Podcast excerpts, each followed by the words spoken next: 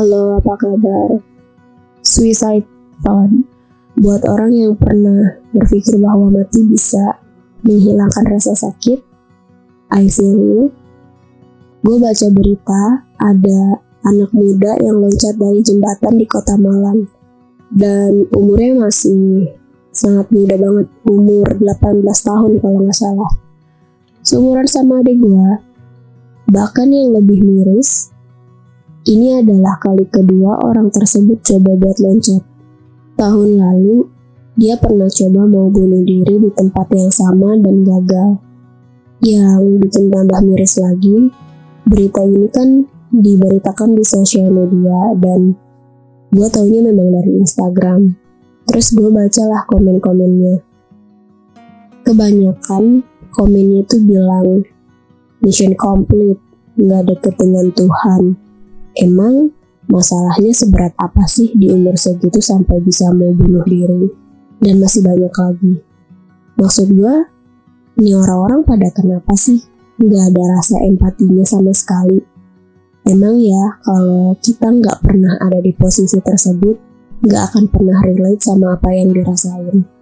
Untuk orang yang pernah punya pikiran mau bunuh diri, yang ada di pikiran mereka itu gelap, suram, gak ada jalan keluar, kayak lagi tersesat di sebuah hutan yang bahkan sama sekali gak bisa nemu jalan keluarnya. Hopeless, bahkan ngelihat setitik cahaya, jalan keluar aja gak ada, gak bisa, gak nemu. Ngerasa sendirian, mau cerita takut, karena kalau mereka cerita pasti akan ngejudge dengan tidak dekat dengan Tuhan. Ngerasa produk gagal, merasa bahwa diri ini sampah dan gak ada artinya. Bahkan bisa bertahan sampai detik ini, di posisi ini, masih bisa bernafas di hari ini, dan ngejalanin hari-hari aja udah sangat berat luar biasa gue pernah baca di buku apa ya gue lupa. Orang yang terlahir di dunia ini pasti punya tujuan dan alasan kenapa dia dilahirkan ke dunia. Tapi masalahnya orang yang punya pikiran pengen bunuh diri dia akan bertanya kenapa gue dilahirkan ke dunia ini? Harusnya bukan gue yang lahir. Kenapa Tuhan malah milih gue emang alasan gue lahir ini apa nemuin alasan dia hidup aja udah kadang susah banget. Ini emang masalah um, isu mental ya, yang emang harus diatasin. Tapi pergi ke psikiater itu mahal, gak bisa dibohongin. Ratusan ribu, bahkan belum nanti ada resiko ketidakcocokan dan juga ngerasa bahwa nggak guna pergi ke psikiater karena nggak ada perubahan sama sekali tahun lalu gue pernah cerita pengalaman gue pergi ke psikiater. Dan itu lumayan bikin deg-degan. Gue merasa nggak cocok dengan psikiaternya alhasil gue nggak ngelanjutin pergi ke sana atau nyari psikiater yang lain karena takut ketidakcocokan itu. Dan ada uh, indikasi uang mahal juga gitu alhasil selama setahun itu gue berpikir ya udahlah gue bisa ngehandle sendiri gitu pikiran-pikiran negatif. Gue percaya diri dan optimis. Tapi ternyata lambat laun pikiran-pikiran negatif itu kalau tidak diatasi dengan baik kecemasan overthinking gue malah makin bertambah malah makin jadi-jadi. Bercerita ke temen aja tuh udah gak mempan ngeredain kecemasan itu. Karena gue berpikir pergi ke psikolog itu mahal, butuh uang, butuh nabung buat bisa pergi ke sana. Dan terkadang nggak cukup sekali dua kali untuk pergi ke sana untuk pergi terapi itu.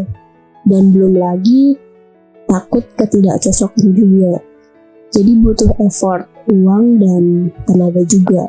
Berpikir mau bunuh diri itu kan pikiran negatif ya nggak punya duit buat pergi ke psikolog, nggak punya temen buat ngedengerin keluh kesah, nggak punya support system, terus terbelenggu sama pikiran negatif. lalu dijudge juga dengan masalah lo tuh nggak seberapa. Banyak orang lain di luar sana yang lebih susah. Itu malah mungkin mungkin ngebuat lu ingin atau gue ingin memutuskan mengakhiri hidup. Ya udah jadinya ya wassalam.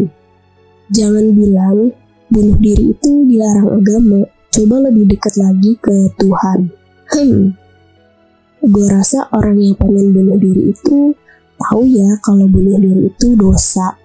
Dan lebih dekat ke Tuhan juga nggak bikin keinginan bunuh diri lo itu berkurang. Nggak semerta-merta ketika kita mendekatkan diri lebih dekat dengan Tuhan keinginan itu akan 100% sirna kan nggak mungkin bahkan bisa jadi orang yang pengen bunuh diri ini udah sekuat tenaga.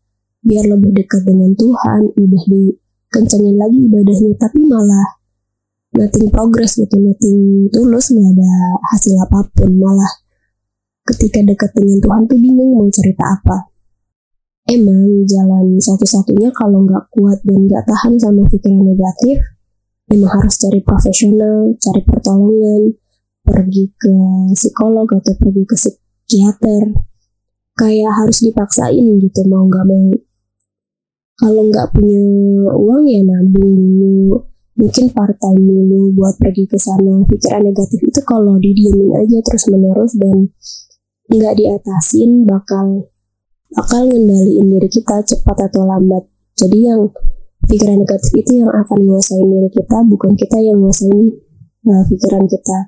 Kadang susah banget untuk mengendalikan pikiran hal-hal negatif itu.